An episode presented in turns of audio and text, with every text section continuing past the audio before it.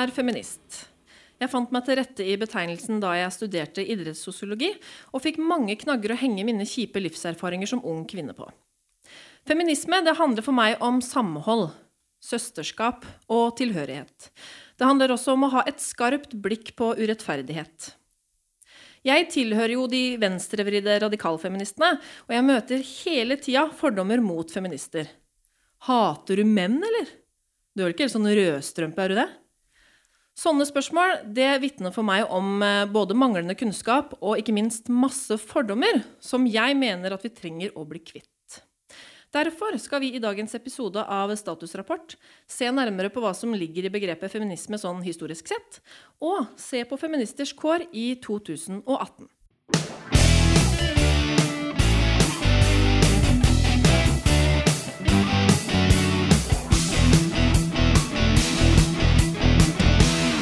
Ja, da vil jeg få lov til å si hjertelig velkommen hit til Larvik mikrobryggeri. Mitt navn er Loni Bjerkholt Pedersen, og temaet i dag er som sagt å være feminist i 2018. Jeg sitter jo ikke her aleine. Jeg har fått med meg tre veldig spennende og ulike gjester. Så jeg vil at vi skal gi en applaus jeg, til Vilja Antonsen. Ja, vi klapper per. Per, det er lov. Ja. Ulla Lise Johansen. Bra. Og sist, men ikke minst, Christer Karlsen. Oi. Tusen takk for at dere ville komme. Takk, takk, for at du fikk komme, ja. tenker jeg det heter da. Mm. Ja, takk og takk. Hvis vi begynner med deg litt, eh, Vilja. Du er jo bl.a. feminist og leder av Vestfold Sosialistisk Ungdom. Hva tenkte du når jeg spurte om du ville komme og være med i en podkast om feminisme? Eh, jeg hører jo på masse podkaster, eh, som egentlig nesten alle SU-ere gjør. Av en eller annen grunn så er det noe vi syns er dritgøy. Eh, eh, og jeg syns det er dritspennende. Jeg har aldri vært på podkast før. Eh, og jeg elsker jo å bable om ting jeg er opptatt av, så mm. det var jo spot on, egentlig. Så fint, da. Ja. ja. Og du, Ulla, du er jo bl.a. kunststudenter for uh, Hovedsentralen for høyhæla sko. Hva er du mest opptatt av for tida? Ja, det stemmer, alt det du sier der. Det er uh, da Hovedsentralen for høyhæla sko, som jeg har vært opptatt av siden 2007. Og Feministisk initiativ, som jeg er med i styret i, i Oslo og som vi gjerne vil starte et uh, nytt lokallag i Vestfold. Mm. Ja, det syns jeg vi skal klappe for. Takk for at vi kom. Mm. Og så har vi jo selvfølgelig vårt mannlige alibi, da. Mm. Christer Karlsen. Ja, og du er jo bl.a. småbarnsfar. Kulturformidler i Skien kommune. Kan ramse opp mye. Tidligere mm. sportskommentator i både TV 2 og NRK. Og så er du, er du sterk eller litt motstander av ismer og autoriteter. Ja, det er. ja.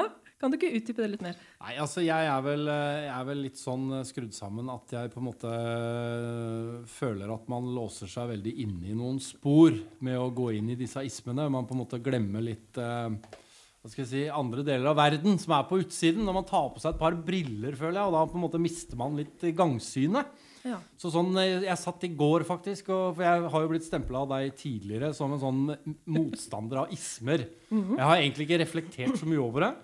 Men jeg satt og reflekterte litt i går, og så tenker jeg hvilke ismer er jeg på en måte finner en plass i? Og mm. det nærmeste jeg kom, var faktisk positivisme og negativisme, men det er vel ikke I noe I begge deler? Eller en av de? Ja, det kommer litt an på humøret, da. selvfølgelig. Det kommer litt an på humøret jeg er i. Ja. Men uh, stort sett positivismisk, eller hva det blir for noe. Ja. Nei, så Det er liksom, det er liksom den, den, innfallsvinkelen jeg har. Og så hører jeg jo på innledningen din at jeg kanskje blir han med litt fordommer. Så jeg er her med et åpent sinn, mm. bare så det er klart. Og jeg har litt lyst til å lære om dette her. For jeg på en måte Grunnen til at jeg sier ja, da, er at dette feministgreiene, hvis jeg får lov til å slarve litt med munnen på den måten, så, så, så, så syns jeg det litt fra utsiden ser litt sånn dere, dere, virker litt skumle. Så jeg kommer mhm. hit for å på en måte ta dere det litt skumle, og forhåpentligvis lære noe. Og kanskje også jeg kan lære bort noe av min Stakkarslige livsfilosofi. og, ma mans og mansplaine litt. Ja, du er jo en hvit mann i 40-åra. Ja, ikke sant, ikke sant, ikke sant? Jeg er jo helt ute å kjøre sånn sett. Så Nei, det er fint jeg, å ha deg her, Jeg starter på minus to, men tusen takk for at jeg fikk komme. Og så håper jeg dette her blir både hyggelig og informativt. Ja, så fint. Men dere, vi snakka jo Dere toucha jo litt innom det. Eh, men dere, altså Ulla, du kaller deg for feminist? Ja. ja. Mm. Vil du si at du er en radikal feminist, eller? Altså, Det jeg, kan jeg ikke uttale helt sånn reint. fordi det er jo litt vanskelig å definere seg som liberal eller radikal. Regner med at det er det du er ute etter eller spør etter. Mm. at feminismen defineres sånn. Eh, det sies jo at menn inkluderes i den liberale feminismen. Um, så jeg jobber jo for kvinner. Altså, jeg jobber for kvinners rettigheter. Men jeg er ikke mot at menn støtter kvinners rettigheter, for å si det sånn, da. Men uh, feminisme er kvinner. Uh, men jeg, jeg, er ikke sånn at jeg hater menn og ikke de kan være med og, og sånn. Det er jeg ikke. Men jeg vil nok kanskje ikke Jeg vet ikke om jeg kan kalle meg radikalfeminist. Det kan jeg ikke svare på. Nei. Hva med deg da, Vilja? Er det lov å si at jeg ikke egentlig helt vet hva som ligger i ordet radikal feminist? Ja, klart det. Vi du skulle snakke... vente til jeg spurte hva det ja, ja, og så tenker jeg så uansett at det er greit å... Jeg kan ta den ja, dumme, nei? Det er, et, det er, et, veldig godt uh, spørsmål, og vi skal snakke litt om det etterpå også. Men sånn historisk sett så radikalfeminisme henger jo mer sammen med venstresidas feminisme. Mens uh, som Ulla sier, så er den liberale mer høyrevridde feminismen, da. Ja, unnskyld, men hvis mm. vi på en måte går vekk fra det politiske spekteret, hvor, hva er på en måte, hvor, hvor er på en måte grensa mellom når, man, når går man fra liberal til radikal? da? Hvis jeg kan få et eksempel på det. Ja. Ja, ja, vil du skyte inn? Hvor er skjæringa ja, altså, der? liksom? Det, det, som er, som jeg, Sånn jeg ser det, så er det at uh, de radikale feministene de jobber kun for kvinner. Uh, de, uh, de, liberale de jobber for menn og kvinner i likestilling. Ja. Ja, og så har du radikalfeminister. De tror jo at vi lever i et patriarkat. Som vil si at eh, samfunnet vårt er styrt av menn. Så allerede når du blir født som kvinne, så blir du født inn i en struktur som du på en måte må hjelpe til å gjøre noe mot. da. Uh, Bl.a. ved at det er flere menn i lederstillinger. ikke sant? At eh, menn er i en særstilling på noen ting. da. Så det er jo kanskje radikalfeministenes utgangspunkt. At de tenker at vi har et patriarkat som vi må prøve å oppløse eller kjempe imot. da.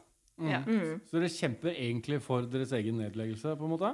Hvordan da? Nei, jeg bare, altså, I den, den, dagen alle kravene er blitt innfridd, så vil jeg jo ikke tro at det på en måte er noe mer å Det er liksom sånn Jeg tenker jo som det jeg tenker, da, mm. eh, av sånn jeg forsto det nå, eh, fra begge sider, så vil jeg si at jeg er litt uenig i det du sier. At liksom man som radikal feminist bare jobber for kvinner. Mm. er jo på en måte, bare Hvis du bare bruker ordet feminist, uansett sammenheng, så tenker jeg jo at du eh, skal eh, jobbe alle opp likt uansett. Da, og at hvis i en teoretisk verden eh, alt hadde blitt snudd på hodet, og kvinner brått begynte å, å liksom, undertrykke alle menn, så hadde du stått på guttas side. på en måte. Ja, Hva hadde det hett da, forresten? Det kunne jo hett Matriarkat. okay. Motsatt av patriarkat. Ja, Men hva er det motsatt av feminist? Antifeminist. Antifeminist? Antifeminist? Ja. Det er ikke noe sånn hyggelig manneord på det? Nei. Nei, ok. Nei, men er, er, ikke, er, ikke, det litt urettferdig? At ikke vi jeg tenker, har et uh, eget sånt uh, ja, det kan Du si, for du er, så, du er, ikke så, glad i begreper anti heller? Christer. Nei, ikke i det hele tatt. Ikke i det hele tatt, skal jeg være ærlig. det kan vi utdype litt senere. Anti-anti, ja. Så, nei, anti er på en måte bare det samme. Anti, bare. Antifeminisme er jo noe som f.eks. mannegruppa Ottar bruker. da, og så sier at eh, Eller de kan kødde med feminisme og harselere med feminister. Og også kan bruke begrepet antifeminisme. Fordi at de mener at feminisme er ekstremt, og derfor så blir de noe anti. Mm. Du fortalte meg i Christer, at du hadde hatt en kort uh, affære, holdt jeg på sin kort karriere i uh, mannegruppa Ottar, mm. men du valgte å Tatt fornuften? Ja, jeg, for det første var jeg vel egentlig ikke klar over at noen hadde meldt meg inn, men jeg fikk det jo med meg. og du har ikke gått på livets harde skole? Nei, ja, nei, nei, nei men, jeg, men jeg oppdaga det når lokalavisene faktisk begynte å ringe alle ting, og ja. hadde en liten greie på dette her. Og så våkna jeg en morgen med at eh, både Telemark Arbeiderblad og Varden ringte. Og lurte på om jeg sto på listene til mannegruppa Ottar. Jeg skjønte egentlig ikke helt hva de snakka om engang. Men så begynte dere da å spole litt den debatten som var den gangen. Mm. Jeg, jeg, meldte meg selvfølgelig umiddelbart ut igjen, for jeg har ikke lyst til å støte noen med dette greiene her. Men jeg, det er jo en debatt vi for så vidt uh, som jeg syns egentlig er litt spennende. da. Ja, for du kunne ikke kjent deg igjen i det? Altså tenke at feminismen, det, det er så Hva skal jeg si så fjernt fra deg at du kunne sagt at jeg er en antifeminist? Altså anti nei, nei. nei, for jeg, såpass forståelse av begrepet har jeg at jeg på en måte ønsker jo ikke dere at jeg, altså jeg ønsker jo ikke at dere skal, ikke skal holde på med det dere holder på med. Nei. Jeg har masse respekt for det dere holder på med. Jeg vet ikke hvordan man skal få spørre om å ta ordet, men jeg vil gjerne ha ordet etterpå. Ja. Vær så god, bare ja. avbryt meg. ja, for jeg tenker at uh, Det han snakker om nå, det er jo det at uh, kvinner og menn stiller ikke likt i samfunnet. Derfor så er det feminisme. Eh, og likestilling, som eh, er blitt et ord som skal, som skal ha begge kjønn under seg, det legger, har lagt seg som et lokk oppå. Sånn at eh, Hvis du ser kvinner og menn under her sånn, så har du, og likestillingslokket her oppe, så vil du se at under her så er det en stor bit opp for kvinner, Mm. og menn er her oppe. Så det er liksom den likestillinga og den Men den kan feminismen jeg det, ja, men. Den feminismen, den er den biten for meg, da. Ja. Som er mellom det likestillingslokket og det som heter feministsøylen. Ja. For meg så er det to parallelle ting her. Det er en likestillingsdel, og så er det en like muligheter-del. Likestilling er på en måte den der som går rent på kjønn for meg, da. Gutt-jente. Og så er det mulighetene vi har som gutt og jente. Hva med hen? Hva slags lover er det du, du tenker på da? Jeg tenker på likestillingsloven. Det er vel kanskje den vi må gå ut fra hvis vi skal snakke om eh, feminisme. Nei, jeg syns ikke det blir Eh, spesielt da er jo, der er den endra i 2006. Så ble det end, eh, kvinnebegrepet ble tatt vekk. Sånn at det heter likestilling, og det er eh, kjønn istedenfor mann og kvinne. Så derfor så er det ekstra viktig nå at feministene står på. fordi egentlig så er det tatt bort, den forskjellen. Og at man sier nå at det er likestilling, det er skikkelig Så dere syns ikke sjøl dere er med på å på en måte opprettholde en forskjell? Nei, fordi jeg har jo en lang liste her over reelle SSB-forskjeller. hvis du vil ha det, Men jeg kan jo ligge, jeg bør jo ikke ligge foran hele tida. Du kan slå meg i humøret etter hvert. Nei, det kan jeg ikke.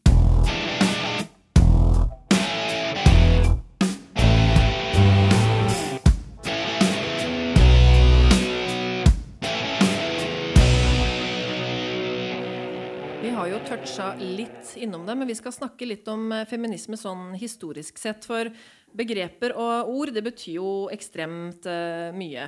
Og feminisme opplever jeg vekker mye sterke positive assosiasjoner og veldig mye negative assosiasjoner. Og så snakker vi om de fire feminismebølgene da, fra suffragettene på 1800-tallet som kjempa for stemmerett, og har hatt fire bølger fram til nåtidens feminister, som på en måte eh, er aktive i sosiale medier, mobiliserer der, uh, bl.a. hashtag metoo og Women's March osv. Tenker du, Ulla, at vi har vunnet alle kvinnekampene nå? Eh, nei, jeg har jo akkurat sagt at det er en kjempeskille mellom under det likestillingslokket. Da kan du skyte inn den der eh, statistikken din. Det passer Ja, fint nå. kan jeg Ja. godt, det kan jeg godt gjøre. vet du. Da må jeg ha på brillene mine. Ja. Skal vi se.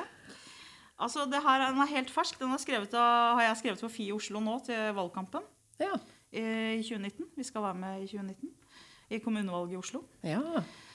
Eh, Så her har vi da kvinner tjener i snitt eh, 13% mindre enn menn. Og når norske menn tjener 100 kroner, har hver kvinne i snitt tjent 87 kroner. Og du vet det er Det flere ting. grunner til det enn uh... Jeg har jo en lang liste. Jeg vet ikke hvordan du vil styre det. Skal jeg lese opp den lista først, eller skal han komme med innspill Det blir sånn hund og katt. eh. Nei, det er ikke meninga, det. Men jeg, bare, det er jeg har bare lyst til jeg vet at det tallet der inneholder en del hva skal jeg si, elementer som på en måte er litt viktig for sjølve tallet. Ja, Har du med Ja. de elementene? Nei, jeg har to i toppen av hodet. Det ene er at menn i langt større grad enn kvinner velger jobber hvor de jobber overtid. De velger å la være å velger de ikke. De velger å la være å bli med på skoleavslutninger. De velger jobber hvor de lar være å bli med på det ene og det andre. Derfor så er en av grunnene til at menn tjener mer, det er at eh, arbeidsgiver vil ha hva skal jeg si, slaver i gåstegn som jobber mest mulig. Det, er er jeg helt uenig i, da. Fordi at kvinner velger ikke å ha lavere lønn enn menn. Dessverre. Der Jeg kan jeg ikke ikke støtte det? deg. Nei, men du sa at de velger yrker som har lavere lønn. Ja, for du det mer om Nei, jeg om sa heller ikke deltid, det. eh, Og jeg vil jo si at eh, det er jo snakk om eh, Det er veldig mange kvinner som jobber eh, deltid, som ikke ønsker å jobbe deltid. For eksempel snakket jeg her om dagen med ei som jobber som vernepleier. Hun har jobbet som vernepleier eh, i nå 20 år og har fortsatt ikke klart å få seg en hel stilling. Hun jobber fortsatt deltidsstillinger. Eh, og det er ikke noe hun gjør frivillig. Hun elsker jobben sin, liksom, men det er fordi at bare, det er ikke plass på en måte, til eh, hele stillinger. Um, og jeg tror jeg er litt enig i det du sier, at på en måte, det ligger jo litt sånn ting til grunne at hvorfor ikke sant, menn er med i topplederstillinger osv. Men så mener jo på en måte jeg i hvert fall da, som radikal feminist at eh, det er på en måte samfunnsstrukturer som gjør at menn havner i den posisjonen, da, hvor de eh, ja, som eh, jobber mer og ikke kommer på skoleavslutningene, på en måte. da. Og så er det litt sånn Er det kanskje noe som hadde vært litt kult å endre litt på? At eh, fedre også følte at de kunne gå på eh, er Skoleavslutninger og liksom sånne vi- ting. Ja, Ja, absolutt, at- absolutt. Jeg har lyst til å si det også, at det har jeg veldig lyst til å, Det hadde vært veldig fint å endre på. Jeg sjøl å, altså Jeg har ikke lyst til å bruke meg sjøl som noe eksempel på noen ting, men jeg har på en måte satt karrieren min til side når jeg fikk barn. på en Mm. måte. Jeg betegna deg som småbarnsfar. det, det, det, det, syns jeg alle menn egentlig burde misunne meg, sånn sett. Eh, eh, og så, så er jeg enig i det. At vi har en, kanskje en samfunnsstruktur hvor, det på en måte, hvor kapitalismen rår, og det er penger som betyr alt. ikke sant? Ja. Altså, Vi har ikke noen andre verdier snart enn enn akkurat den der pengegreiene. Hvor mye penger tjener du? Det er på en måte det eneste vi er opptatt av. Og der er vel kanskje menn litt sånn mer hva skal jeg si, albuer seg fram, da.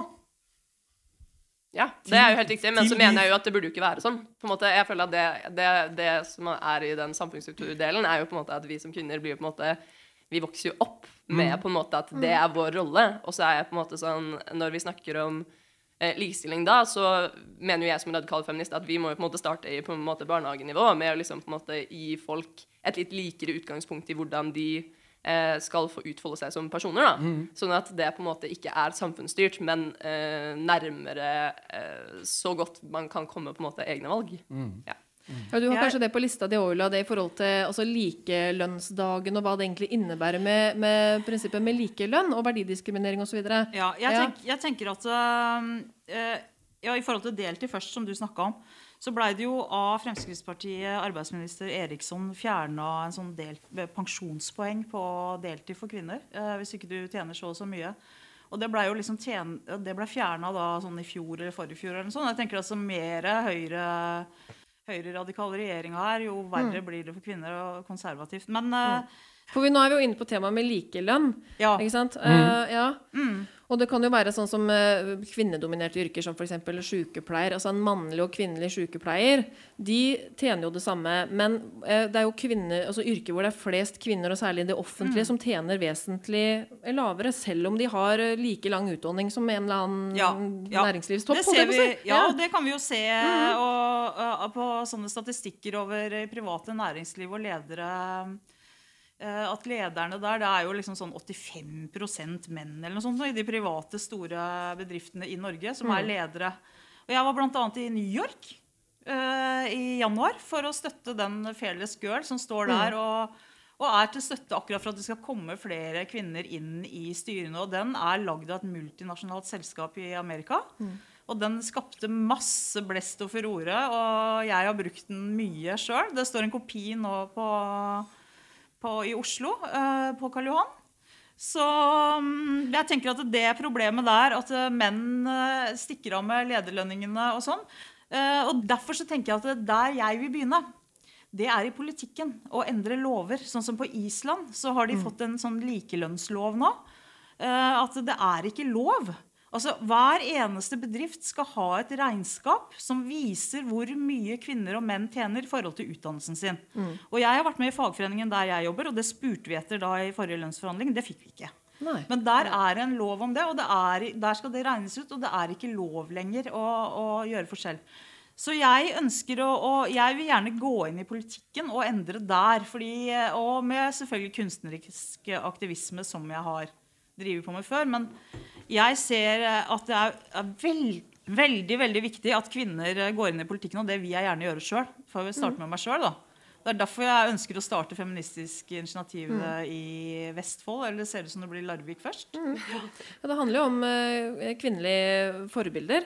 Men hvis vi prøver å trekke Men kan jeg bare Jeg må bare spørre. for Ja, nå ok. jeg- Nå har jeg føler meg litt- deg, Ja. Jeg føler meg litt dum her, men når dere sier likelønn og, og snakker om lik utdannelse skal gi lik lønn, Ja. betyr det da at jeg nå i min jobb i Skien kommune, hvor jeg egentlig ikke hadde trengt min utdannelse, burde fått mye mer betalt? da? Det kan jo ikke, jeg, jeg kan ikke svare på det, altså hva Fordi- som gjelder deg. Men Fordi det jeg er har jo loven. fem års universitetsutdannelse som på en måte er overflødig i den jobben jeg har nå. Det blir jo lokale ting, da. Men jeg tenker at loven må, må regne ut hvem på arbeidsplassen hvordan det er, og så hvordan stillingene sånn at For det, jeg kan jo ikke eh, altså, jeg kan jo ikke kreve det samme i lønn der jeg jobber i kommunen, som en med samme utdannelse som meg, som har en langt mer Hva skal jeg si Nei, det, det må du spørre arbeidsgiveren din om. Det har Ja, men ikke dette her faller jo rett på det du Nei, snakker det, om. ja, men det er jo, Hvis det blir en lov, så må alle arbeidsgivere rette seg etter den loven.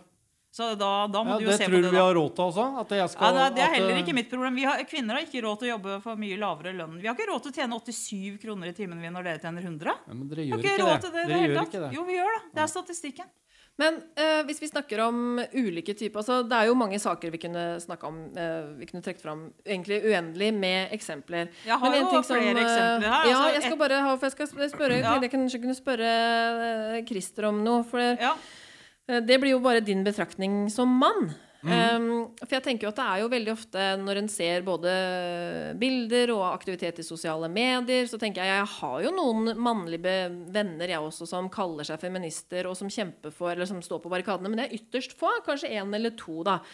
Uh, så tenker jeg hva, hva, tenker du er grunnen til det at det nesten bare på en måte er damer som står opp for de sakene? Altså, det er jo feminister som kjemper for lengre pappaperm, f.eks. Ja. Har du noen tanker om det? Uh, nei. Egentlig du, ikke. Uh, hvorfor det er så få menn som er feminister? Ja, eller som, stå, som eh, er med på 8. mars og står på barrikadene. De forstår vel ikke på en måte utgangspunktet. Nei. Tror jeg. Uh, for man er jo av et annet kjønn, og mm. man er jo på en måte Hva skal jeg si, Som dere har vært litt inne på Vi blir jo på en måte hjernevaska i rosa og blått, da, for å bruke det uttrykket, fra mm. vi er bitte små. Mm. Så jeg tror mye av grunnen ligger der. At vi på en måte har, vi har rett og slett ikke og det er den holdningen jeg kommer litt med i dag òg. Jeg har mm. på en måte ikke helt forståelsen av Hva det vil si? Mm. Ja, hva det vil si å være jente da, eller dame, mm. og de problemene dere kanskje møter på, på bussen, kontra meg. Mm. Det er de jeg ikke forstår mm. helt. Mm. Jeg tenker jo at det er en del av For jeg øh, vil jo at pappaene skal mer på banen. F.eks. pappaperm er kjempeviktig for meg. Det har vært det personlig at øh, eksen min han tok jo en del av min permisjon. Eh, både for at jeg vil jobbe før, men også for at jeg syns det er viktig at pappaene skal på banen. Og det er helt enig, Der vil sikkert kanskje mange være uenige med meg, men for det er jo en kamp som For da er du ikke radikalfeminist hvis du mener at du skal jobbe for mennene og at de men skal det er jeg uenig i. Ja, nei, ja. det, jeg er uenig i den definisjonen. Det mener jeg er helt feil. Da, nei, men, da kan du ikke kalle deg radikalfeminist. Nei, fordi bunnen i radikalfeminismen er jo ikke det at du bare skal kjempe for kvinner. Det er jo. det som Loni snakket om i stad. Nei, det handler om samfunnsstrukturer. Ja, at du ser på uenig. hele feminismedelen som på en måte en samfunnsstruktur, og derfor kommer guttene også med inn. fordi at det er en samfunnsstruktur, at gutter blir voks... Altså de blir, de blir uh, lært opp til å på en måte ikke snakke mye om følelser, og på en måte mm. ikke uh, vise så mye følelser, og hele den pakka der. Og derfor uh, er det også da en feminismesak i haketegn, fordi at liksom sånn Det er en del av de samfunnsstrukturene som hvor vi vokser opp forskjellig, da, mm. på en unødvendig måte. fordi mm. hvorfor skal ikke gutter også kunne snakke om følelser? Nei. Ja, men jeg det handler vel kanskje litt om definisjon på kjønn. Ja, det er ikke interessant i feministisk sammenheng. Altså. Sorry. Der er jeg helt klar. Altså, det er kvinner det handler om her. Feminisme handler om kvinner, og det handler om kvinners rettigheter. Og det handler om det ikke kvinner har fått, og det ikke kvinner får. Og at vi ligger uh, etter på, i samfunnsstrukturen. Og derfor faller gutta fra kampen, da, mener jeg. Nei, da må de, nei, da må de, de, Fordi, da må de, ja, helt enig. Da må de altså, jeg er ikke imot at gutta er med og støtter feminismen, men jeg er imot at feministene skal jobbe for menn og gutter. Ja, det skjønte jeg. Men, jeg, men det er jo derfor de faller fra. fordi at da ja, på en måte ignorerer du at de, også heller. har det er jeg helt uenig i. Ja. ja. Det var, jeg, det var, derfor jeg svarte mm. når du spurte meg i starten. Så, sa, så spurte du meg mm. er du radikal feminist. Ja. Så ville jeg ikke si det helt tvert. fordi jeg syns at menn altså Sånn som i Feministisk mm. initiativ Oslo, mm. så har vi jo med en mann inne i styret. Mm. Og jeg kan ikke si at ikke han kan være med. altså Jeg er en del av det. Men mm. jeg jobber kun for kvinners uh, rettigheter, og jeg mener at det er feminisme. fordi hvis menn får, da får de jobbe for sine egne feministiske ting. Og jeg tenker på den mannegruppa Ottar. Hva jobber de for, da? Jobber den der Ottar-gruppa for, eh, for, de mennene der, eller jobber den bare for å trakassere andre kvinner? Ja, Det er vel en måte å harselere med kvinnegruppa Ottar på, sånn jeg har forstått. Og de synes, de ja, det er ikke noen mannegruppe Ottar da. Nei, jeg har jo tatt er, med eh, pinsen fra kvinnegruppa Ottar her. Ja, ikke sant? Men det er mm. interessant, for jeg også opplever at det er mer en sånn eh, Men de bruker jo det, de snakker om det, for de har en podkast. De har en av Norges mest lytta til podkaster, hvor de snakker om det erkemann og finne tilbake til mannen. Og det har jo ja. vi diskutert litt før, ja, Christer. At mannsrollen Det har skjedd noe med mannsrollen yes, oppi det her. Ja. Og jeg trenger ikke å være medlem av mannegruppa Ottar for å mene det jeg sier nå følgende. Jeg syns den moderne mannen eh, Han er jeg litt opptatt av. Ja. Jeg er ikke spesielt eh, mandig av meg, men jeg har nå i hvert fall uh, hodet litt med meg. Og jeg mener å kunne se og på en måte føle at uh, den moderne mannen er ikke så mye mann lenger. Nei, bare Men det er ikke et feministisk problem? Nei, det kan, det kan, men det kan bli det. Det kan bli det for usikre, mm. eh, små menn de, de, sikter ikke innover i seg sjøl. De sikter gjerne, da, gjerne på, på, noen som mener noe annet enn det de står for. Så jeg mener jo at det er litt feministisk, jeg, da. Men jeg er enig i det at, eh, at mannsrollen og kvinnerollen altså det, vil jo, det vil jo henge sammen med hverandre. Og jeg tror helt klart at Uh, at det er derfor vi trenger feminister, og at feminister provoserer folk som faen. Eller provoserer de usikre mannfolka særlig. Mannegruppa Ottar de, de, hater jo det. De hetser jo alle de får anledning til. Og særlig Nei. legger ut uh, Jeg kødde, ja, har jo kødda litt med mannegruppa Ottar på mm. Instagram og screenshotta en del ting. Og da driver jo de sånne svertekampanjer, sånne såkalte komikerne og det er liksom, De er jo sånn de holder på. Mm -hmm. Men det betyr ikke at vi ikke kan si at nei, nå kan ikke vi være feminister, for nå må ikke vi gjøre noen til altså, Det må vi jo ha. Vi må jo ha det. Men jeg ser jo helt klart, som du sier, at det henger jo sammen. At kjønnsrollene Jeg tenker jo det også, Man kan på en måte ikke se de i motsetning til hverandre.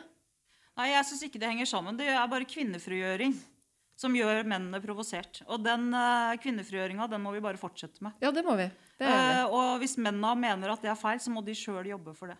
Ja, jeg mener jo selv at det er feil, og jeg er kvinne, så Tusen takk. Ja, nei, men sånn, fordi For meg så blir det Som du sier, da. Jeg mener alt henger sammen. Mm. Og nå er vi i et ganske moderne samfunn, på en måte, mm. hvor vi på en måte klarer å se at ting henger sammen. Mm. Så med alt det jeg sa i stad, med på en måte kjønnsroller, og at liksom man skal ha et likt utgangspunkt, som er likestilling, altså feminisme um, Ja, jeg bare skjønner ikke hvordan du på en måte kan Jeg, jeg er enig i at man skal være forsiktig med å som feminist tenke sånn Å nei, å, nå må vi ikke glemme gutta, fordi jeg mener at kvinner sliter mest, på en måte. Men sånn allikevel så føler jeg at det er en del kamper som også må kjempes for gutta. Det er ikke noe vits i å glemme de, på en måte. Og jeg tenker sånn uh, Ja. Jeg bare tror at det hadde vært mye mer sånn samlende. En mye mm. sånn mer samlende bevegelse, og det hvor vi som gagner alle, da. Mm på riktig måte. Det kan jo du synes, og jeg respekterer deg for det. Men det er liksom, det er sånn, det, det er jeg kan også si at det er ikke bare mitt syn, det er også sånn, det er på en måte SU-politikk. Det er ja, for det er vel sånn sosialisme Ja, det er noe med det. Det henger sammen med politikk. Mm, for ja. jeg tenker jo at feminisme og politikk henger veldig nært sammen. Ja, ja. At man ikke kan skille på det. Men det fins jo grener av det, helt klart.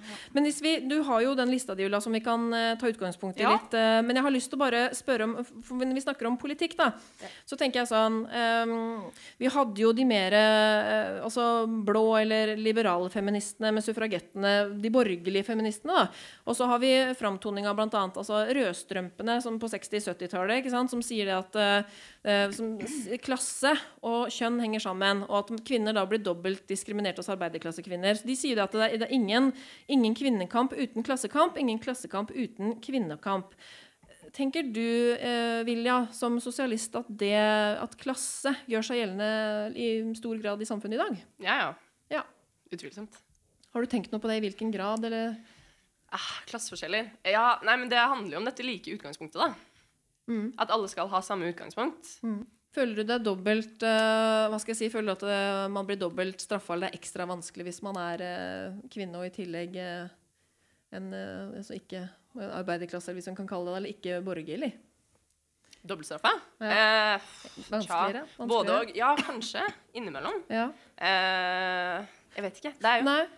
Men Ulla, du snakka litt om det i stad jeg spurte deg. For du snakka litt om sånn eh, Eller det å være borgerlig feminist, eller hva, ja, hva tenker du om det, da? ja, Tenker du på historien nå, eller? Ja, på ja. historien og hvordan du ser deg sjøl i samfunnet i dag, og i forhold til klasse. Altså, jeg tenker at uh, borgerlig feminisme, det var jo vel sånn tidlig 1900-, slutten av 1800-tallet. Og da hadde vel eh, de kvinnene som var i de borgerlige familiene, som Camilla Collett og ja, hvem flere var det som var av de borgerlige men de hadde jo en annen posisjon. Uh, mm. Og det var jo et helt annet som klassesamfunn den gangen enn det vi har nå. Uh, så, uh, så tenker på, på 70-tallet og 60-tallet, den bevegelsen som kom da, det tenker jeg er at arbeiderklassen fikk en annen posisjon. Mm. og så tenker jeg at det vi ser nå, er at det blir mer konservativt igjen. Mm. at det er mer høyrevridde tanker i hele Europa. Eh, og USA, for ikke å snakke om. Der har vi jo sett eh, hvordan eh, denne presidenten, som ikke nevner navnet på, mm. behandler kvinner. Mm. Og jeg tenker at jo mer konservative styre det er i et land, jo vanskeligere blir det å være kvinne. Mm. Uh, og da tenker jeg at uh, da må man jobbe og, og, fokusere på kvinnenes rettigheter. Sånn som det der å miste pensjonspoeng på deltid. Og vi vet jo at det er kvinner som jobber så mye deltid. Og så i tillegg Og da har jeg et fælt punkt på neste her. Mm. Og det er at 90 av minstepensjonistene uh, er kvinner. Ja. Og da tenker jeg på f.eks. Altså, oljeformuen vår veldig mange av de kvinnene, sånn som i foreldrene mine sin generasjon, så var moren min eh, kanskje, hun jobba òg, men hun var hjemme med oss. Og sånn og sånn og sånn. Og faren min jobba hele tida, og han får jo pensjonspoeng. Nå er jo de heldigvis eh, et par eh, ennå, men, men det kan jo være veldig vanskelig for den dama som sitter igjen Mm. Og kanskje har brukt da på, på 60-tallet og da olja begynte, å helt utover, og ikke får pensjonspoeng for det. Mm. Så vi vet at 90% av minstepensjonistene de er kvinner. altså. Ja, og da tenker jeg, ikke sånn for å, å, rakke ned på menn og sånn og sånn, men uh, jeg tenker det er innmari viktig at feministene jobber for, for, lov, for å endre lover som gjelder kvinner. Mm. Ja. Det kan vi vel være enig i, Christer? Jeg er helt enig i det, men jeg, nå kan vi jo se på arbeidsstokken for 65 år siden nå. Det var vel, er jo litt som du er inne på, det var veldig mange som valgte å ha en hjemme med barn og hus og sånn, og en i jobb. Så det er jo ikke så rart at det på en måte følger at siden arbeidsstyrken da i 19 Hvor lenge er vi siden da? 65 år siden? Det er jo Ja. Mm. Ja, men da burde det være kompensert. Og det, jo, det, er jo noe vi har kommet med her i Larvik. Så har jo hovedsentralen for Det er jeg kanskje enig i, men man trenger jo ikke å være fortørna over at 90% er minstepensjonister. All den jo. tid hvor nesten ingen kvinner så jobber Så når pensjonsloven også ble endra i fjor av, av eh, Frp og Høyre i regjering, da må man være veldig veldig veldig bekymra for det. For det, det, det, går ikke an å ta vekk det på det Men hvordan, hvordan, skal en hjemmeværende frue fra 1954 få full pensjon i 2018? da? Ja, jeg mener uh, fra oljefondet, uh, og det har vi i hovedsentralen kjempa for. Vi har hatt forsida på ØP, og vi har samla inn underskrifter og alt til å få 5000 kroner til alle kvinner fra oljefondet. Ok. Det er jo ikke noe dumt initiativ. Nei. Men når vi snakker om klasse, du som ikke er eh, sånn superhypp på ismer, Mm -hmm.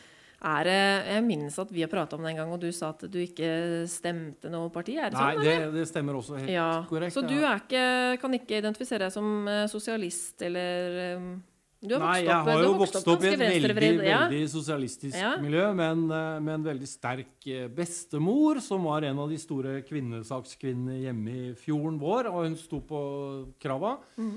Uh, og jeg tenk, tenker at alt, alt til sin tid, da. Mm. Alt til sin tid. Eh, det hun kjempet for, var på en måte litt andre ting enn det jeg opplever at det, det, kjempes litt for i dag. Og på en måte, jeg er jo kommet til den konklusjonen at man på en måte man skal kjempe for mennesker og ikke generalisere i kjønn. Så du tenker at vi har kommet litt lenger, eh, egentlig, du, da? Altså det, det, er ikke så gærent stelt mellom Nei, det er vel det, det inntrykket jeg har. Altså, ja. Det er vel derfor jeg liksom peiser litt på at jeg føler liksom at denne kampen på en måte er med på å opprettholde synet til de som på en måte står på utsiden. da. At det er voldsomt problematisk. Mm. Noe jeg egentlig ikke opplever kanskje at det er. da. Men igjen, jeg er jo her for å bli kjent med hvordan en dame ikke sant? Altså, mm. Så dere får ha meg unnskyldt. Jeg har på en måte ikke de brillene på. Men, eh, men, eh, det, er vel, det er vel store, grove trekk av mine, ja. Mm. ja. Men hvis vi snakker om eh, begrepsbruk, da, så nevnte jeg jo stad rødstrømpene. Det var jo du også toucha innom, Ulla. Så uh, som sagt så har jo jeg fått høre det oftest i det jeg sa at jeg var feminist. Så var det den reaksjonen jeg fikk ofte. Det var sånn Herregud, du er ikke sånn rødstrømpe. Sånn Ottar Gerning. Altså, det er sånn veldig nedsettende. Akkurat som folk tenker at da ja, nei, da er det noe ekstremt, og da distanserer du deg, og da er det helt altså, Hva tenker du om det? Hva slags forhold har du til rødstrømper? Det er vel litt som du, som du sier, at det er på en måte Det har blitt, da Mm. En sånn litt sånn slarvete sjargong på noe man syns er litt skummelt, og som man ikke helt forstår. Mm. Jeg tror det, det, er, jo, det, er, jo, på en måte lite intelligent, tenker jeg, at mm. det er. Um, ja, for det er jo en historie bak det. Det kjenner jo du til, Ulla. Med kvinner som arbeiderklassekvinner som kledde seg i røde strømper og for å på en måte Jeg tenker jo at det, det, er ikke noe Man behøver ikke ta av seg de røde strømpene før eh, det er likestilling mellom kvinner og menn. Og det Nei. mener jeg at det ikke er i det hele tatt. Og jeg mener at det, det er en sirkel, som jeg sa når jeg kom hit òg. Mm. Altså, sirkulær tenking og sirkulær uh, politikk. For nå er vi jo inne i veldig privatisering. Mm. Uh, og sånn, jeg forbinder jo rødstrømper med, med 70-, 60- og 70-tallet, kanskje. Mm. Uh, jeg var 13 år i 1980, så jeg har jo dansa og vært glad hele 1980-tallet. Men mm. nå så kjenner jeg jo at det, det trengs så skikkelig skikkelig, engasjement. Fordi jeg mm. syns det i hele verden bare drar seg skikkelig til mm. med konservative Jeg var på en konferanse også med kvinner fra Latin-Amerika. Og, og, de sa alle det, eller de konkluderte med det, at jo mer konservative regjeringene mm. blir, jo, jo, vanskeligere blir Og det ser vi også på eh, med KrF og, og, Høyre nå, og Arbeiderpartiet. altså De kjøpslår jo veldig med abortloven. da. Mm. Og jeg var på, foran Stortinget nå i forrige uke og demonstrerte. Da var det 2000 stykker som kom og møtte opp på bare jeg tror det var en uke det tok å mobilisere det. Så jeg tenker altså Det, er søren meg viktigere enn noen gang å ha på seg de røde strømpene fortsatt. Jeg sitter her og tenker at mm. faen, det er så mange du glemmer å kjempe for. Jo, men jeg kjemper for uh, Hvorfor det? Ja, ved å jeg er feminist Nei, ved å på en måte bare konsentrere seg om den kvinnelige delen. Ja, jeg tenker helt motsatt. For også, vi vet jo at det, eh, at det, er jo sånn at de som er feminister også, hva skal jeg si Hvis man er Det henger jo sammen da. Hvis du er antifeminist, så er man også veldig ofte homofob og rasist. Mm. Det også henger jo sammen, ikke sant? Det tør ikke jeg å svare på. Altså. Du ikke? Nei, det, det har jeg lest. det er vitenskap. Jo. Ikke når det her går ut på lufta. Det er det faen meg. Ja, okay, ja. Nei, men det er det. Helt uh, Skulle jeg selvfølgelig hatt en referanse, men det er det. Mm. Mm. Men jeg er jo veldig Jeg syns jo rødstrømper det er kult, syns jeg. også. jeg jeg syns det, det, er sånn god betegnelse. Jeg syns det er dritkult. Det er jo rødstrømpe. Ja, rødstrømpe. Det er fint, det. Hva tenker du om det, Ulla? Du, nei, Vilja, du som er uh, den yngste av oss. Ja, nei, rødstrømpe er fint, det. Ja, ja. ja. Vi også blir jo kalt det. Ja, Kaller du deg det sjøl? Nei, det gjør jeg kanskje ikke. Men ikke, det er mer fordi at jeg bare går ikke Jeg tenker ikke så mye på det, kanskje. Nei. Men jeg har ikke noe imot begrepet rødstrømpe, på en måte. Nei. Nei. Jeg syns det var litt interessant da, at eh, de utlyste skrivekonkurranse 8. mars i Tønsbergs Blad. Ja. Og så er overskrifta så står det sånn eh, Skrivekonkurranse om 8. mars. Og jeg veit jeg har snakka om det her før, men det, irriterer meg så jævlig. Da står det sånn Du trenger ikke være rødstrømpe.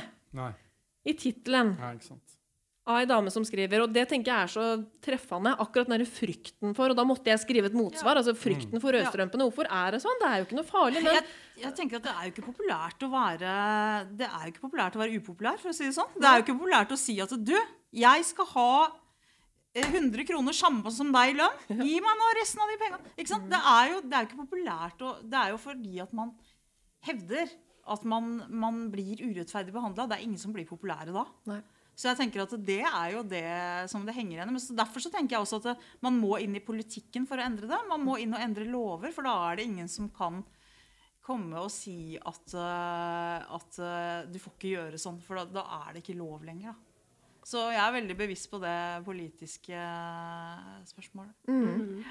Vi snakker, når vi snakker om feminisme, så må vi jo snakke om 8. mars. Ja. Kan jeg spørre litt hvilket forhold dere har til 8. mars? Markerer dere 8. mars? Og hvorfor, hvorfor ikke? Du er glad i 8. mars? Ja, ja 8. mars har fått et oppsving. Jeg holdt appell i Tønsberg i år. Mm. Eh, og jeg syns, jeg syns, det er veldig fint. Jeg synes Det er veldig fint. Det er veldig koselig. Eh, alltid arrangementer og, og, ting. Og man lærer alltid noe, noe nytt. På f.eks. i år, da, på 8. mars i år, så hadde vi jo paneldebatt med alle partiene. Ja. Eh, og så er det jo alltid litt sånn eh, Ja, man er jo på litt feil bane, da, ofte, hvis man er på en måte fra Høyre eller Frp. Eh, men de stilte jo opp Eller jeg tror hvert, ja, jeg husker egentlig ikke om Frp stilte opp, men det var i hvert fall en Høyre-dame der mm. eh, som på en måte eh, var med. Og i åpningsinnlegget sitt så var det første hun sa akkurat det, da, at OK, nå vet jeg at nå er ikke jeg helt på hjemmebane. Men jeg er faktisk feminist. Eh, og det som er litt morsomt, sa hun, er at eh, jeg har jobbet i Oslo i mange år eh, som politiker. Eh, og har vært som alle andre og på en måte vært litt sånn fordomsfull mot eh, Å, herregud, feminisme, hva, hvorf, hvorfor her? Skjønner ikke. Eh, men så flyttet hun til Vestfold og fikk møte de mannlige politikerne der. Okay. Og da måtte hun bare si det at jeg kunne ikke gjøre annet enn å kalle meg feminist etter det, fordi du, Blå -blå. du treffer så mye mm motstand da, på alt fra liksom ja, og jeg merker det jo selv, det å være jente i politikken Sorry banningen, men det er helt jævlig. Det er kjempevanskelig.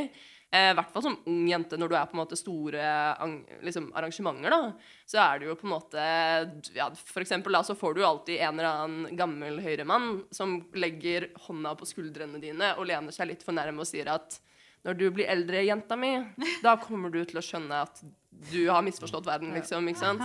Og du blir på en måte alltid sett ned på, og du får alltid den derre lille deg, lille jente, hallo, eh, hva gjør du her? Du vet ikke hva du snakker om, du har ingen livserfaring, du kan jo ikke ha noen meninger. på en Du må måte. bevise veldig mye ekstra. Ja. Ja. Og eh, akkurat den delen blir jo veldig viktig på 8. mars, da føler jeg i hvert fall. eh, At, I hvert fall fordi jeg ofte er på de politiske arrangerte arrangementene for eh, 8. mars. Um, mye fokus på det, da. At det å sitte som kvinne i politikken, det, det er vanskelig, ass. Det er vanskelig. Det har, jeg har blitt ganske hardbanka etter bare to år i politikken, liksom. Det vil jeg tro. Ja. Og du, Ulla, du er klar for, er du sikker på at du vil gå inn i politikken? På, hva tenker du på 8. mars? Sånn generelt, når du Ja. hører erfaringene fra ja. Det er litt annerledes å være Eh, jeg kan huske første gang jeg var med i 8. mars. Som jeg har sagt, så var jeg, var jeg oppvokst på 80-tallet, sånn at jeg dansa mye disko og sånn. Så jeg tenkte ikke så mye på feminisme da. Men jeg husker at da jeg var 19 år, så tok jeg toget aleine til Youngstorget og gikk i 8. mars-toget. Mm. Det var stort. stort, Ja. Hvilket forhold har du Nei, til for 8. mars? for, for meg så er det på en måte bare blitt en dato. Det var, Ja. det var litt mer tidligere i, bakover i familien, på en måte. Mm. Men eh, det har roa seg veldig, så nå er det på en måte mer eller mindre en dato. Men hva tenker du, Ima, for du er jo småbarnsfar, og så har du, du har jo en datter.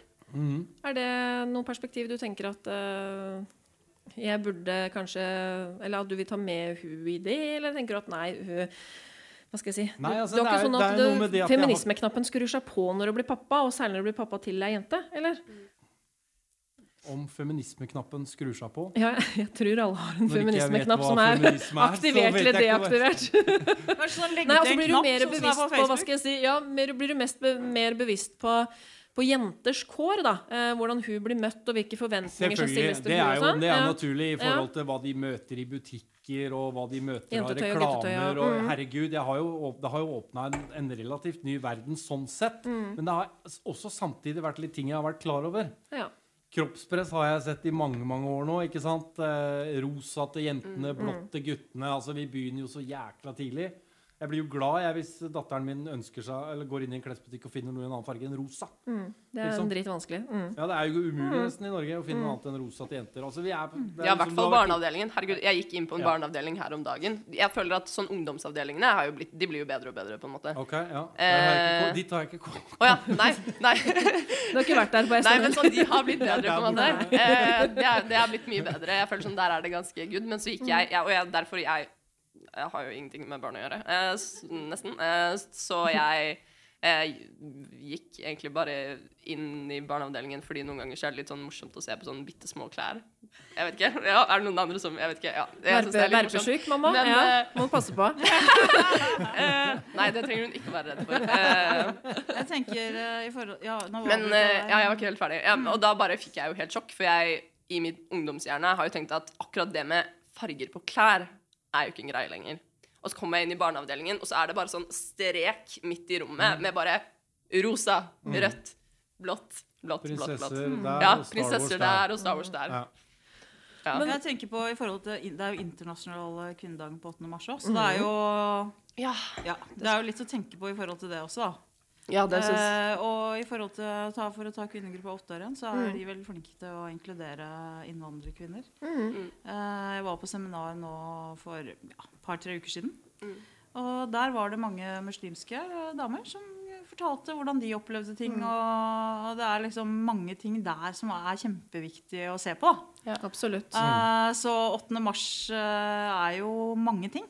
Ja. Mm. Jeg er jo veldig glad i den internasjonale delen. Jeg er egentlig litt sånn enten-eller. Eh, for jeg er veldig glad i, i feminisme, da. Så jeg er enten veldig glad i den store på en måte internasjonale eh, På en måte Hva heter det? Bevegelsen. Bevegelsen. Ja, den uh, bevegelsen og tilhørigheten man har der. Enten, det er liksom enten det, eller de kjempesmå tingene som sånn derre det å måtte føle deg redd når du går hjem, på en måte. Mm. Enten, jeg, er litt, jeg, er litt, jeg, har litt vanskelig personlig bare fordi lovene og sånn, så jeg lar andre folk drive med det. Og så syns jeg det er spennende med det, de, oh, de, de følelsene ja. Nei, men ja, det, det er viktig, men jeg bare uh, klarer ikke å på en måte fokusere på det. Jeg syns det er mest spennende for meg personlig bare er liksom enten den internasjonale store bevegelsen, mm. liksom, da, mm. eller ja.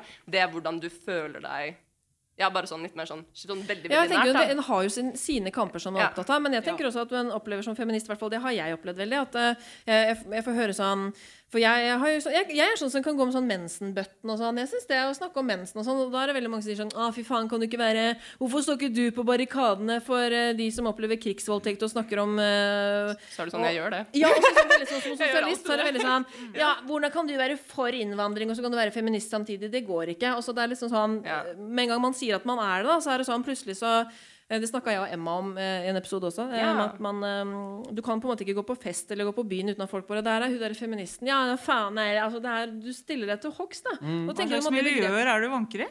du er bare det er, Ja, det er her, på bedehuset.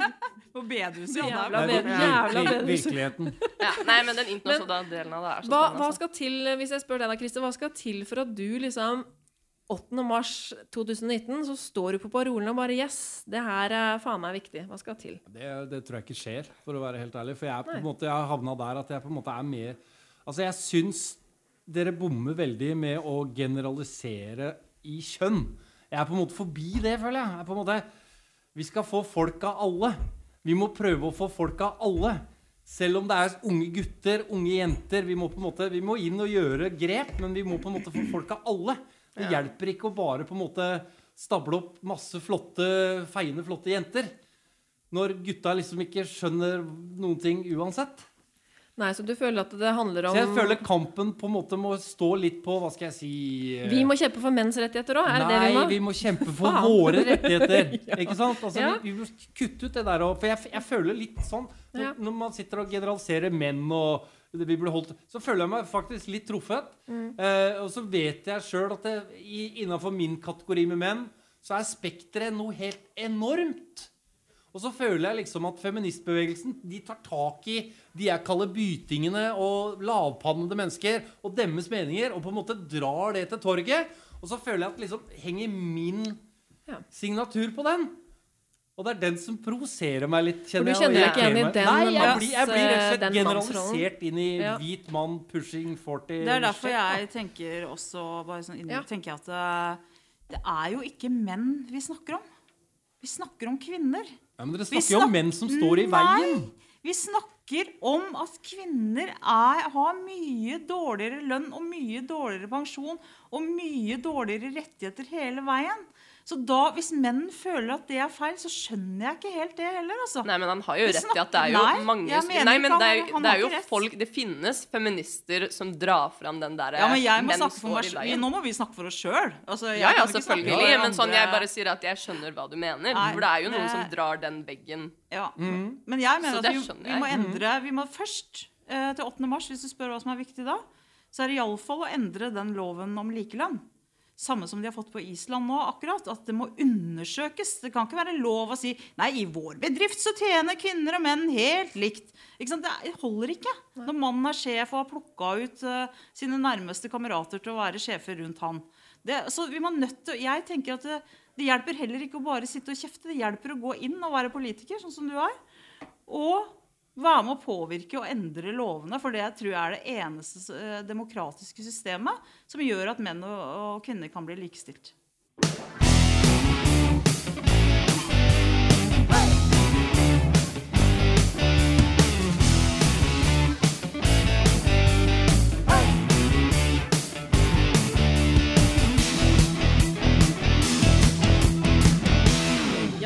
Har vi hatt litt forskjellige diskusjoner om både feminisme historisk sett og feminisme i dag. Og hvis vi skal prøve å komme med en sånn slags status her på tampen, eh, hvor vil du si at vi står i dag, Vilja, og hvor burde vi være når det kommer til feminister? Ja, oi. Ja, det er stort og bredt. Mm. Nei, hvor burde vi stått? Jeg mener jo at kanskje alle burde vært eh, feminister by now. Mm. Muligens. Ikke bare for uh, vår i Norge-del som må finpusse på litt andre ting, men for de kvinnene i Zimbabwe. da. Jeg mener jo at den måte, internasjonale bevegelsen er så sykt viktig, og det er derfor på en måte jeg aldri kunne lagt fra meg den ismen, fordi jeg ser at på en måte den eh, Det å ha noe å samle seg under er viktig, da. Um, men vi er jo ikke der. Uh, og så tenker jeg at det som er mye av det problemet, er det jeg har snakket om, er at jeg personlig mener at man, i hvert fall som feminist i Norge, burde ha et mer sånn samfunnsstrukturbilde på hvordan man ser på hva feminismen er. da, at liksom, Likestilling, hva er det? ikke sant? Det er ikke bare eh, å endre en lov, det er å starte i liksom, mens barn er små, og være sånn OK, hvordan kan vi lære eller hvordan, ja, hvordan, skal vi på en måte gi folk det frieste utgangspunktet de kan få til å bli akkurat den de er? Um, I Norge, og så tenker jeg at sånn ellers i verden så er det jo på en måte mange som sliter med ja, ikke sant, Argentina og abort. Eh, at de ikke har fått det gjennom selv nå, er jo ja, Det er helt sykt. Jeg tror faktisk mm. veldig, jeg tror de fleste hadde håp, da. Mm. At vi trodde at denne gangen så, så, får de det gjennom, liksom. Men de, de fikk jo ikke det. Mm, så vi står på et punkt som er litt sånn Jeg tror vi står på et punkt som er litt vanskelig, fordi det blir veldig mye hakking, føler jeg, da, eh, blant eh, de som ikke er feminister, de som er feminister, de som er forskjellige typer feminister. At vi på en måte eh, Og det er derfor jeg tror at også begrepet har blitt litt sånn slurvete for folk, og at det er der forvirringen ligger, liksom. At liksom til og med feminister i og for seg ikke bare er uenige, men hakker på hverandre og sier at den andre tar feil. Mm. Din feminisme er ikke mm. riktig. Mm. Du definerer ikke feminismen mm. riktig. Mm. Eh, og jeg tror mye av ligger, problematikken innen selve begrepet ligger der. At liksom eh, Ja, at den eh, samle, Altså, den er fortsatt samlende, men jeg føler at det er en del ting som kjemper imot den samlende effekten, da, som jeg mener er viktig i bevegelsen. Mm. Um, ja. Så det, det, er, det, er, kanskje det jeg tenker er vanskeligst mm. akkurat nå. At liksom sånn Ja, det er mye hakkepinner, og så er det ikke så mye Nå finner vi de tingene vi er enige om, og så jobber vi med det. Mm, ikke sant. Ja. Hva tenker du da, Ulla? Status jeg, Hvis du tenker på Norge, så tenker jeg jeg tenker litt på Norge, og så tenker jeg litt på Larvik. Ja, jeg vil gjerne ha med et par ord om mm. Larvik òg. Men jeg tenker, i forhold til det du sier, så jeg, jeg opplever ikke det som hakking, da. Uh, nå er jeg med i, Nå er jeg mye voksnere enn deg, så det er ikke sånn at jeg er mye bedre enn deg. Men jeg har jo vært med i mange forskjellige ting, og jeg er med i, i kvinneorganisasjoner i Oslo. Og jeg tenker at alle er jo veldig forskjellige i sine oppfatninger der. Så det er ikke, selv om man ikke er Det, det starta du jo også med. at uh, Er du radikalfeminist eller er du liberalfeminist? Så tenker jeg at det, det er ikke hakking. Det er altså som en politisk skala som gjør at man ligger på forskjellige steder på den høyre-venstre skalaen. Så jeg tenker bare det at vi kan, hvis vi kan prøve å, å liksom bare samarbeide, men ikke være enige. Uh, og jeg mener at likestillingsloven må reverseres. Sånn at den handler, får, får inn kvinnebegrepet igjen, ikke likestilling. Mm. Det var Norge, kan jeg si det. Mm. og så var det Larvik. Der har vi en spesialsak til, til Feministisk initiativ. Vi skal ha møte nå på søndag. Første mm. møte. Um, og det er at i Larvik så har man valgt å utnevne fem mannlige æresborgere opp mm. gjennom åra. Uh, og nå i tillegg så, så har vi altså fått dem i, som kunst i det offentlige rom. Så vi har store monumentale mannehoder som er mm. malt opp på veggene i Oslo, nei, unnskyld, Larvik sentrum. Eh, pluss at det også er undervisning i skolen. Så vi har, altså Hovedsentralen for Øyardalssko har klaga inn Larvik kommune til Likestillingsombudet. Eh, de støtter oss, men de kan ikke gjøre noe sånn lovlig sett. Så nå tenker jeg at når vi starter Feministisk initiativ her, så vil vi det første vi vil gjøre, er å utnevne fem kvinnelige æresborgere. Det vil jeg klappe for. Klapp for det. Ja, bra. Ja, også, da kan vi kanskje jobbe sammen i forhold til Kvinnehistorisk natt. da, Med å henge opp, for det også er eh, en sånn, eh, at det, det er veldig mange mannlige gatenavn. Så ja. å aksjonere litt og henge opp noen kvinnelige gatenavn over, det, ja. det høres ut som Absolutt. en plan. Så bra. Vi, vi snakkes senere. ja, vi kan det. Hva tenker du da, Christer? Hvor bør vi stå? Nå, nå, er dere faktisk litt historieløse, i tillegg til at jeg har lyst til å sitere deg. Jeg syns dere skal ta med dere menn. Dere kan samarbeide, men dere trenger ikke å være enige. Jeg syns den kampen dere fører, taper seg veldig på en måte på å ekskludere alt som fins av mannfolk. Jeg skulle ønske dere åpna litt opp, var litt mykere i kanten. Det fins masse mannfolk med masse krefter som kunne jobba godt for denne saken her. Jeg syns dere skyver de litt fra dere med å være litt for harde i holdningene og litt for på en måte generaliserende. Min uh, oppsummering er jo Jeg er jo feminist, da. Ja. Men uh, det er jo ikke no jeg tenker jo at uh, vi har jo utvilsomt et forbedringspotensial. jeg også tenker jo at det henger sammen med politikken, at vi må stemme annerledes. I fare for å høres ut som en sånn sosialistisk propagandaplakat, men det må vi faktisk. Og det er jeg Mannlig statsminister? Nei. Jo, men altså, det er Alle kvinner er ikke feminister, for å si det sånn. Nei. Nei. Helt klart. Og det også er jo noe vi kunne snakke om i lange tider. Det med mm. at man antar at ja, hvorfor liker ikke du Sylvi Listhaug, for du er feminist. Og det har med politikken å gjøre.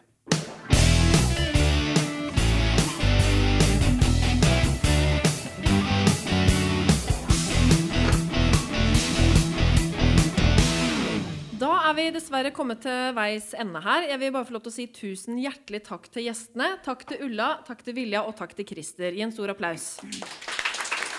Ja, bra. Veldig bra jobba. Jeg vil også si tusen takk til eh, Tormod Ugelstad, som er eh, vår tekniske hjelper. Og ikke minst eh, takk til Geir Atle Johnsen, som er produsent. Denne podkasten er produsert av Virvel AS, og neste podkast finner sted her sånn klokka sju fredag 7. desember. I mellomtida så kan dere gjerne følge oss på Facebook og Instagram og statusrapport.net, hjemmesida vår, for å både laste ned, ikke minst, laste ned podkasten, se hva neste måneds tema skal bli. Og podkasten ligger altså tilgjengelig på både iTunes og Spotify, Acast osv. Da vil jeg bare få lov til å si tusen hjertelig takk for meg. Takk til publikum. Applaus til publikum.